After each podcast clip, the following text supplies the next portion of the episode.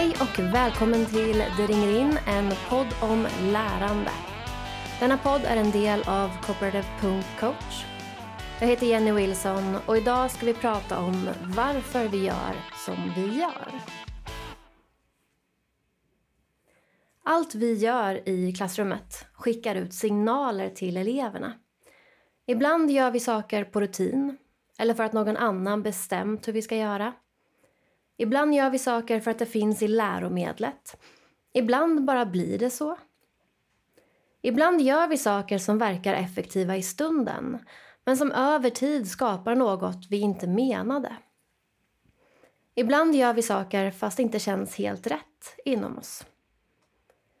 Det är viktigt att vi alla, varje individuell lärare, reflekterar över det vi gör så att vi vet att vi faktiskt gör det vi vill. Varför gör jag så här? Vad leder detta till om jag gör så över tid? Vilken typ av klassrum skapas av mina handlingar? Blir det som jag vill? Om inte, vad kan jag göra annorlunda? Det är ett stort och viktigt jobb vi har. Vi kan påverka människor, människor som faktiskt måste vara där. De har skolplikt. Jag kan påverka deras upplevelse av skolan, av undervisning, av lärande och hjälpa dem att utvecklas som människor. Det är ett stort uppdrag. Det kan vara läskigt, men det kan också vara väldigt frigörande. Vilken möjlighet! Jag kan påverka. De val jag gör i min undervisning kan göra den bättre. Jag vill dela en erfarenhet från min första tid som lärare. Vi hade en utmaning på skolan. Att det var ganska mycket stök i början på lektionerna, stök i korridoren, en orolig situation när eleverna skulle in på lektion. Det bestämdes därför eh, från ledningen att innan varje lektion så skulle eleverna ställa upp på led utanför klassrummet och vi lärare skulle inte släppa in dem förrän de stod lugnt och stilla och tysta. Syftet var att skapa lugn och ro på morgonen. För oss på lågstadiet så blev det här problematiskt på en gång. Vi hade en liten trång korridor där många barn skulle få plats samtidigt. Om vi skulle tvinga dem att stå på led och vänta tills de var tysta och inte släppa in dem förrän de var tysta, då skulle vi nog stå där hela dagen. Vi skulle garantera att de misslyckades gång på gång på gång. Och vi skulle faktiskt skapa fler konflikter av att göra så här. För några av eleverna skulle ha extra svårt att stå stilla och vänta så länge vilket kunde skapa irritation hos klasskamraterna. Så målet med lugn och ro gick inte att uppnå med den här strategin, i alla fall inte för oss. En annan sak som jag funderade på kring det här, det var att även om eleverna efter ett tag skulle klara av att stå på led, tysta och vänta på att bli insläppta vad leder det till om vi gör så över tid? Vilka signaler skickar det ut till eleverna? Vad leder det till om jag tar den här konflikten varje morgon där de inte får gå in i klassrummet förrän alla står stilla och tysta? Jag tänker att vi då visar dem att klassrummet är lärarens. Läraren bestämmer och de ska lyda. Vi visar dem att deras uppgift är att vara tysta och göra som de blir tillsagda. Vi visar dem att om de inte lyder så får de inte komma in i lärmiljön. Vi stänger ute dem från lärandet och innehållet om de inte sköter sig så som vi vill. Jag tror också att vi skapar en förväntan hos eleverna att när de kommer in i klassrummet så kommer det bli tråkigt och ointressant. Vi visar dem att de inte har någon autonomi, inget att säga till om. För mig är det här helt tvärt emot vad jag vill ha i mitt klassrum och också tvärt emot vad läroplanen pratar om. Jag vill ha ett klassrum där eleverna får vara aktiva. Jag vill ha ett klassrum där de inte bara lyssnar på mig utan också kommer med egna tankar och förslag. Där de får motivera och argumentera varför deras idé kanske är bättre än min.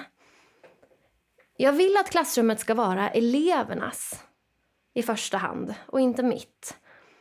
Jag vill att det ska vara en aktiv lärandezon där eleverna vill vara.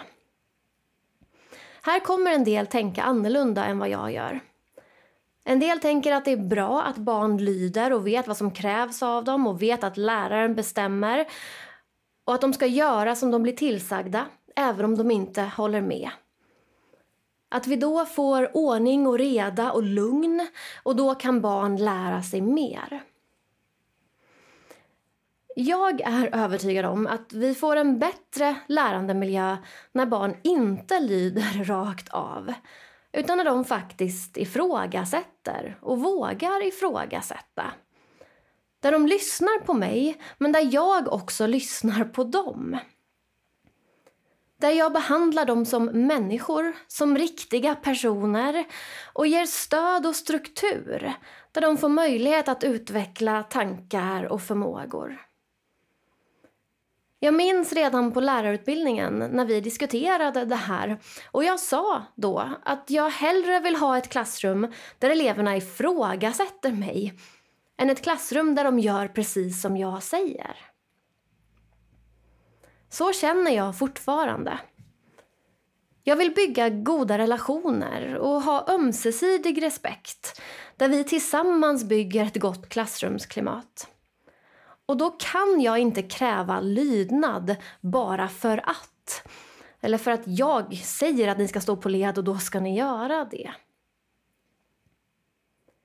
Jag menar nu inte att vi ska låta eleverna springa runt hur som helst och göra vad de vill. Men vi kan fundera på hur kan vi skapa en rutin och struktur där vi får lugn och ro men där vi också skapar det demokratiska klassrum som läroplanen faktiskt pratar om. Kan vi göra på ett annat sätt som ger mer positiva effekter över tid? Jag och mina kollegor vi testade att istället för att eleverna skulle ställa upp på led och vänta eh, så fick de smyga in i klassrummet direkt när de kom på morgonen. Jag fanns där, hälsade på dem i dörren. De smög in till sin plats och där fanns det en startuppgift. Antingen på bänken eller på tavlan. Något som, som kunde dra dem in i innehållet för dagen. Eller som repeterade något som vi hade gjort dagen innan. En fråga, en uppgift, ett problem som de påbörjade enskilt och när de började bli klara hittade de en klasskompis som också var klar och berättade för varandra hur de hade tänkt, vad de hade gjort. Jag slussade in eleverna som kom, gav stöd till dem som behövde, mötte dem i deras morgonkänsla. Och då fick vi en lugn start på lektionen på dagen där eleverna direkt fick vara aktiva direkt fick tänka, direkt fick bli nyfikna på innehållet, direkt fick känna att klassrummet och lektionen är till för dem. För mig och min kollega så kändes den här rutinen bättre. Den fick oss att må bra. Och den påverkade också våra elever positivt. Där de faktiskt fick chans att lyckas ofta. Vi behöver struktur och tydlighet och det är vi vuxna som är ansvariga för det som sker i klassrummet. Men det behöver inte betyda att barnen hela tiden ska göra precis som vi säger. Det behöver inte betyda att alla ska göra på precis samma sätt.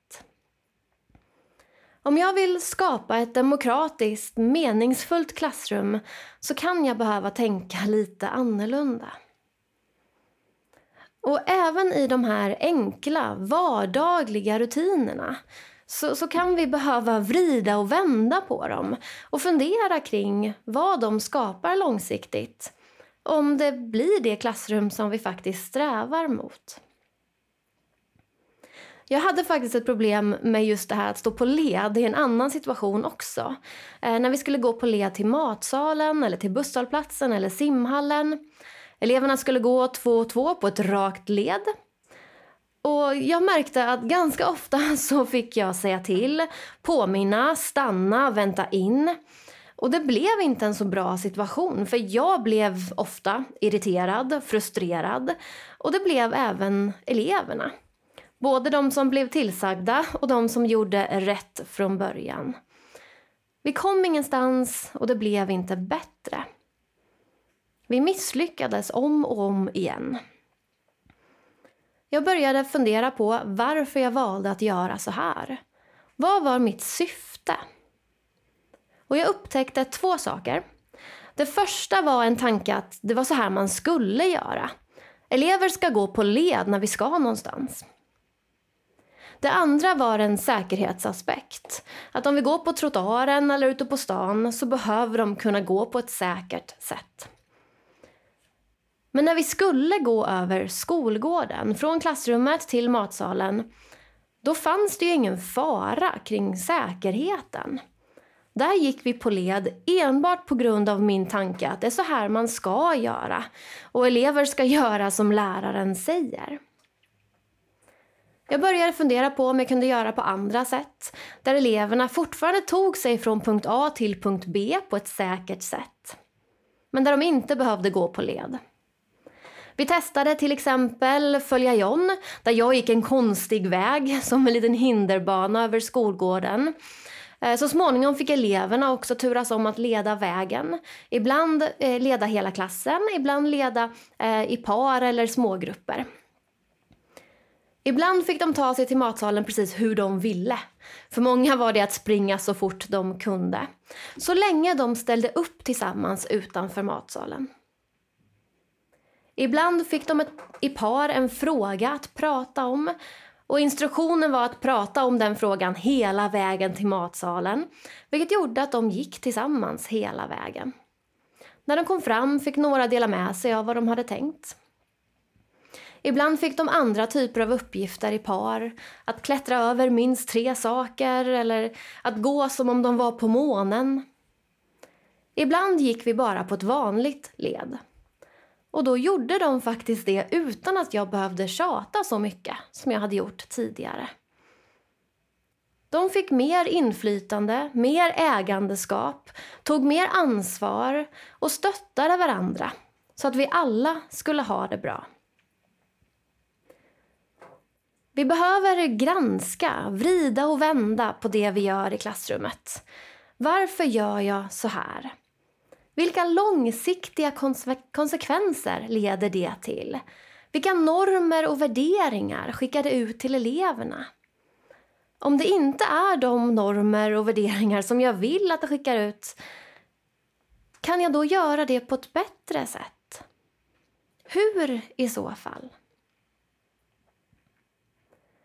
Att vara lärare är ett kreativt, spännande, utmanande yrke som kräver att vi då och då stannar upp och reflekterar kring det vi gör. Enskilt och tillsammans så kan vi hitta nya, bättre vägar framåt där vi gör små förändringar som ger stora effekter över tid. Vi kan skapa ett demokratiskt klassrum där vi bemöter eleverna som hela människor och låter dem få utveckla sin identitet i en trygg gemenskap med andra. Det är fantastiskt.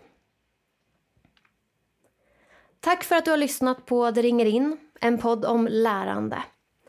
Vill du dela en tanke, en kommentar eller ställa en fråga?